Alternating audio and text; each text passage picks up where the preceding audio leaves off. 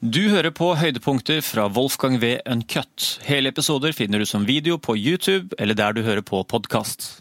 Ok, La oss hoppe videre til eh, et annet interessant kapittel eh, som da eh, heter 'Grønt skifte med svarte kanter'. Vi skal over på Kinas klimapolitikk, mm. som du mener er full av motsetninger. Så hva legger du i det? Ja, så De er jo de er jo først, Hovedmotsetningen går jo mellom, at, mellom målet om fortsatt uh, sterk økonomisk vekst, og at uh, de ser både at uh, de har betydelige lokale miljøproblemer, og at de globale, altså globale oppvarmingen, også berører dem i stor grad. Eh, og at de er den dominerende bidragsyteren til det. Mm. Så de, de er, Dette er for så vidt ikke noe spesielt for Kina, men, men kineserne er, er, veldig opptatt av, og det med, med rette vil jeg si, at uh, historisk sett så kommer jo de fleste av disse utslippene fra, fra Vesten. Så sent som i 1990 så var USAs eh, utslipp det dobbelte av Kinas. Nå er Kinas det dobbelte av USAs. Mm.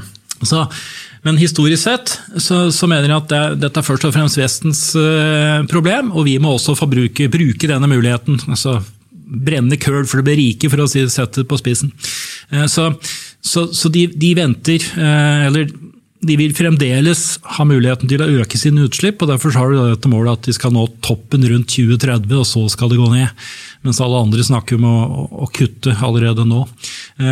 og så skyver de på når dette skal ned. Men så bruker de også da eh, miljøpolitikken, og særlig fornybar energi, som en del av industripolitikken sin. For å utvikle eh, dette, også i eksportmarkedene. De har blitt store på, vindkraft, primært eh, for produsert for eget marked, men også for eksport.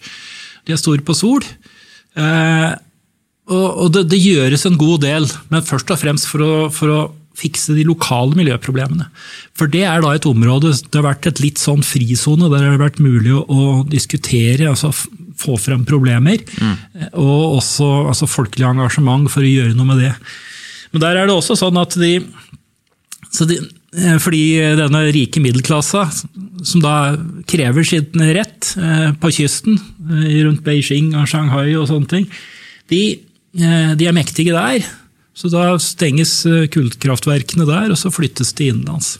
Mm. Der det er behov for arbeidskraft og ny industri og sånn. Mm. Så det betyr ikke nødvendigvis Det er ikke samme kraftverkene, det er et nytt som bygges opp. Da. Men, eh, men det er ulike hensyn som, som, eh, gjør at dette er Det tar veldig lang tid.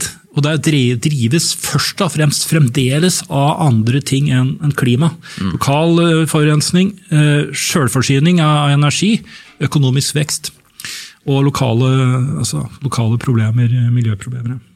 Er det, er planen til Kina å pøse på med, med kull til hva er 2060? for Da skal de være sånn karbonnøytrale? Ja, Men er det for at de skal nei. bli selvforsynt med grønn energi? At de skal bygge opp all denne her, eh, alle disse solprosjektene alle vindprosjektene, og sånt, de er helt grønne holdt på å si, i 2060? Ja, I 2060 så har de da dette målet om eh, karbonnøytralitet, som da kom i, i fjor, var det vel. Eh, det er sånn i Europa i 2050 og ja, det er litt India i 2070. Det er så langt fram i tid, så det er litt vanskelig å liksom forholde seg til. Det er mer sånn for å ha sagt noe mm. i realiteten. Men, men det, det, er ikke sånn at de har tenkt å bare pøse på og pøse på. Eh, det gjøres jo, altså, det er et mål å få ned kullforbruket, men det er underordnet eh, andre mål. Sånn at når det nå var de har prøvd å få, få ned kullforbruket. Kullforbruket har økt voldsomt både i fjor og i år, men de har gjort noe tiltak. da.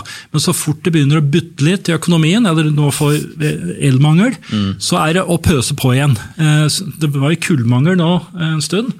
Delvis pga. det jeg nevnte, at de har lagt seg ut med Australia. så de har ikke, For der kommer mesteparten av kullimporten. De produserer mesteparten selv i Kina, 90% eller noe sånt av kullet, men de har noe import. Så falt det bort.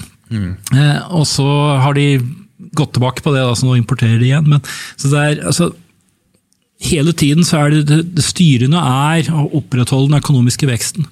Eh, og så kommer de andre tingene i, neste linje prioritering, men det betyr ikke at de ikke gjør noe. De, de, de gjør ting. altså De bygger opp, som nevnt, eh, sol og, og vind, eh, og, og, kjernekraft.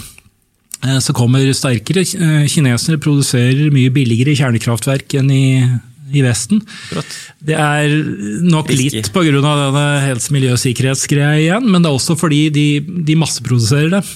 De de produserer så mange. altså i, i, Vesten så har vi nesten glemt hvordan dette skal gjøres. Så, så når eh, finnene nå bygde et nytt kraftverk, eh, tok det veldig lang tid, og det ble veldig mye dyrere enn forventet. Sammen med, med britene, som mm. produserer et nytt kraftverk. Veldig mye dyrere. Mens kineserne har litt andre kravspesifikasjoner, og de masseproduserer. Så det kommer. Mm. Sånn at jeg tror det er, det er helt det er realistisk at, eh, at eh, utslippene deres vil, eh, vil, toppe seg rundt 2030. Det, men sånn har det sett ut i ti år, egentlig. Så det er ikke noe nytt.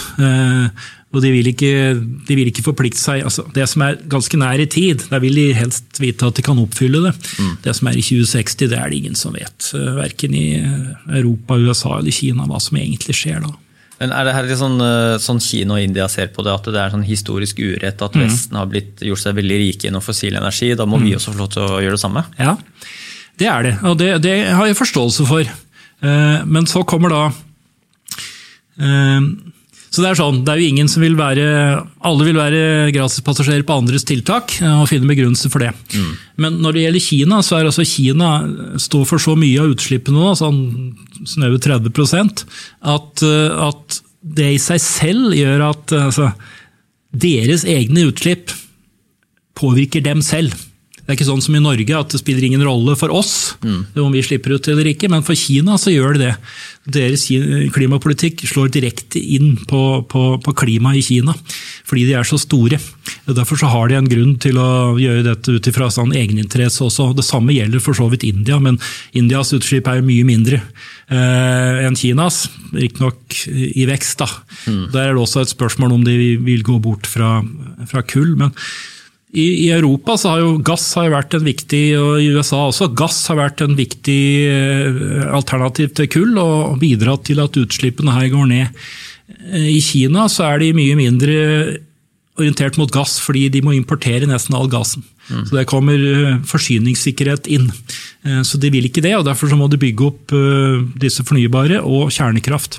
Mm. Grunnen til at de må ha kjernekraft, er at de fornybare er jo da, de er ustabile. ikke sant? Sol og vind, det ja. ser vi jo i Europa. Vi ser, vi ser, det på kraftprisen vår. Mm. Så de trenger da kjernekraft for å ha den altså, grunnlasten, som det heter.